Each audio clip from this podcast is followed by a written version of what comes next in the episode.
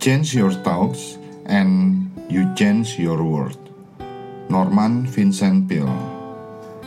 Halo teman-teman, jumpa lagi dengan saya Danang Kurniawan, inspirator, mind healer, and therapist dalam channel podcast Teman Inspirasi Hidup. Dalam episode kali ini kita akan membahas tentang perubahan. Hmm, kalau ngomong soal perubahan sih pasti luas banget ya. Nah kali ini saya nggak sendirian ngoceh di sini. Saya mau ngobrol bareng bareng sobat muda yang luar biasa. Yang pasti sih dia cukup concern dengan perubahan dan kerap menyuarakan segala sesuatu yang ada di pikirannya lewat media tulisannya. Salah satu tulisannya pernah dilombakan dan berhasil jadi pemenang pertama. Yuk, kita langsung aja simak obrolan singkat kami. Halo Michelle.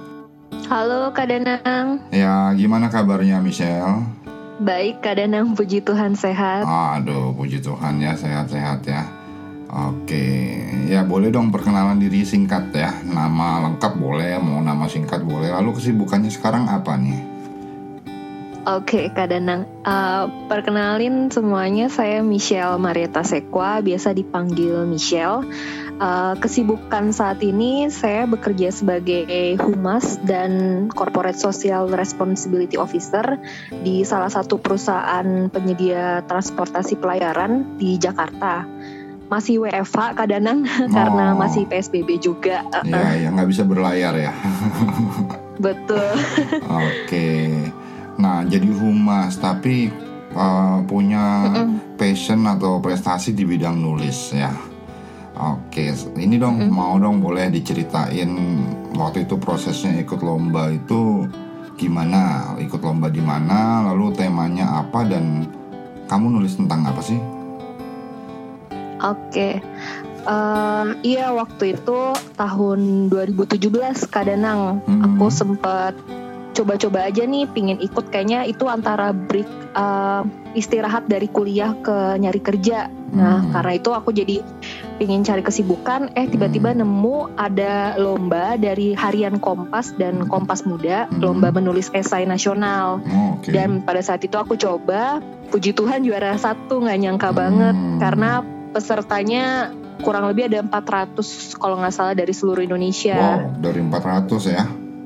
Iya. Ah, keren, keren. Uh, waktu itu temanya tentang uh, Kompas itu pingin lihat opini dan harapan anak muda Indonesia di tahun 2045 tuh kayak gimana. Karena hmm. nanti di tahun 2045 Indonesia tuh genap umurnya 100 tahun gitu. Hmm. Nah, waktu itu ada banyak subtemanya nih Kak Danang. Nah, hmm. tapi yang aku pilih itu tentang industri kreatif. Hmm, Oke. Okay. Tuh Hmm. judulnya kalau nggak salah waktu itu aku tulis seandainya saya orang Indonesia. Jadi hmm. Selama ini kan mungkin kita generasi muda ya apalagi ya pingin pinginnya tuh uh, pinginnya saya tuh sebagai orang misalnya Amerika atau Eropa atau Korea gitu hmm. karena ngikutin industri kreatifnya. Hmm. Nah di artikel itu saya pingin tulis kalau sebenarnya tuh nanti di tahun 2045 kita bisa loh buat masyarakat internasional tuh malah berpikir balik. Jadinya mereka tuh akan berpikir seandainya saya orang Indonesia ya pingin banget jadi orang Indonesia gitu. Karena industri kreatif kita dan karya-karya anak bangsanya. Kira-kira seperti itu sih Kak Danang. Hmm, jadi pesan yang mau kamu perjuangkan uh, itu tadi ya bangga jadi Indonesia atau ada lagi kira-kira pesan yang mau kamu perjuangkan Betul, jadi pas di tulisan itu saya jelasin kayak tantangan industri kreatif tuh di Indonesia sekarang apa, upaya hmm. pemerintah seperti apa lewat hmm. backcraft, lewat rencana pembangunan. Nah di situ saya juga highlight ke teman-teman generasi muda kalau hmm. kita tuh harus bisa mengikat keberagaman produk kreatif yang ada tuh dalam satu label Indonesia. Hmm. Karena mungkin sekarang ini orang hanya melihat Indonesia tuh secara parsial, jadi cuma lihat hmm. Bali cuma lihat mungkin tokoh yang udah go internasional dari Indonesia kayak Joy Alexander yang main piano sama yeah. yang Tex Savario itu yang hmm. dia bikin desain juga dari Indonesia tapi mereka tuh nggak tahu kalau mereka dari Indonesia jadi hmm. sayang banget tuh kalau misalnya sampai produk kita yang udah dikenal di luar negeri tokoh atau figur yang udah terkenal di luar negeri hmm. di dalam industri kreatif ini tuh tapi nggak dilihat sebagai orang Indonesia jadi gimana caranya tuh mengikat keberagaman itu dalam satu label sama bagaimana generasi muda tuh bisa menggali potensi lokal sih kadang karena sayang banget masih banyak potensi lokal kita yang sebenarnya potensial tapi pemasarannya atau um, belum cukup dikenal atau misalnya masih kurang resource-nya seperti oh, itu. Oke. Okay. Terus ngomong-ngomong, hmm. kenapa sih kok seneng nulis gitu dan sekarang lagi nulis di mana aja nih? Oh iya, um, kayaknya udah lama sih mungkin dari SD ya karena hmm. sebelumnya sebelum menulis suka baca dulu nih kadang hmm. jadi karena baca terus jadi banyak dapat uh, kata-kata segala macam akhirnya hmm. mulai lanjut uh, nulis storytelling creative hmm. writing terus pas kuliah belajar jurnalistik hmm. eh pas kerja juga kerjaannya berhubungan sama nulis gitu hmm. dan kenapa suka nulis karena mungkin menurut saya kata-kata tuh punya kekuatan ya kayak doa hmm. Hmm. kayak kita doa sehari-hari aja hmm. Eh, kata-kata tuh bisa mempengaruhi orang bisa mengajak orang bisa memberi harapan karena itu jadi suka nulis hmm. nah kalau sekarang ini selain beket uh, selain di pekerjaan saya juga volunteer di uh, sebagai sub editors di ASEAN Australia Strategic Youth Partnership. Intinya adalah untuk mengurusi konten publikasi dari teman-teman negara ASEAN sama Australia gitu sih Kak Danang. Hmm, oke oke oke. Nah ini pertanyaan terakhir terkait dengan situasi pandemik sekarang nih. Kira-kira dengan situasi sekarang kamu punya ide nggak untuk menulis sesuatu terkait untuk mengatasi wabah COVID atau yang lagi agak muncul baru nih istilah lagi agak ngetop tuh new normal life gitu ya. Hmm. Oke, nah ini pas banget sih Kak Danang hmm. karena kebetulan yang tadi aku bilang aku lagi volunteer di organisasi ASEAN Australia itu okay. uh, baru minggu ini aku nerbitin artikel aku. Nah hmm. temanya itu tentang gimana working mom atau ibu yang bekerja di Indonesia itu hmm. uh, tantangannya gimana sih selama wabah COVID ini walaupun hmm. saya belum berkeluarga ya Kak Danang tapi saya dengar cerita dari teman-teman dari teman kantor teman uh, kuliah yang sudah berkeluarga dan mereka cukup menemui tantangan itu karena hmm. uh, mereka yang bekerja tapi perannya tuh juga banyak sebagai ibu sebagai guru karena sekolah tutup juga hmm. sebagai dokter juga sebagai karyawan juga dan di artikel tersebut saya juga mengajak teman-teman terutama uh, orang uh, perempuan yang sudah bekerja gimana yeah. caranya untuk bisa saling uh, membantu satu sama lain karena kalau aku lihat ibu-ibu di Indonesia tuh support sistemnya bagus nih mereka ada hmm. keluarga hmm. ada teman RT RW ada gereja yang bisa membantu juga ada tetangga jadi hmm. gimana support sistem yang ada baik offline maupun online tuh bisa saling membantu di masa pandemik ini hmm. seperti itu Kak Danang. Hmm, Oke, okay. saya jadi ingat kata-kata dari Winston Churchill bunyinya begini hidup saja tidak cukup. Kita harus punya determinasi atau tekad yang kuat untuk hidup demi sesuatu.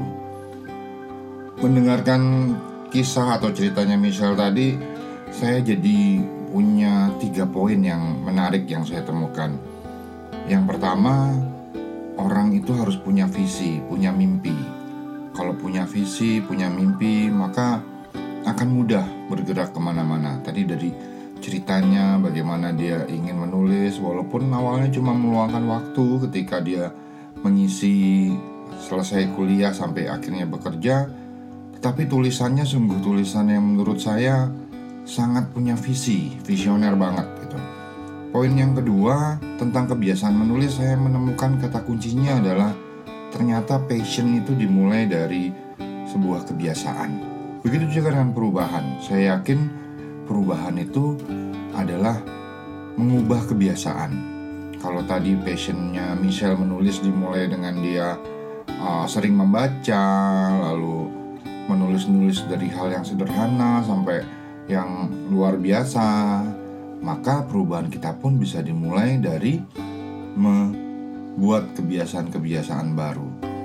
Dan yang ketiga, um, saya menangkap pesan tentang punya kepedulian, punya keprihatinan dari apa yang akan atau yang sudah dituliskan Michelle di situs yang tadi itu dengan Australia ASEAN itu menunjukkan bahwa kalau kita punya kepedulian, keprihatinan maka kita minimal tergerak untuk melakukan sesuatu, untuk membuat sesuatu.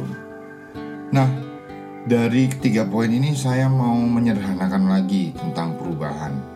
Kalau kita mau berubah, oh sorry, kalau kita mau maju bersama, kita harus mulai suka tidak suka, mau tidak mau, siap untuk berubah.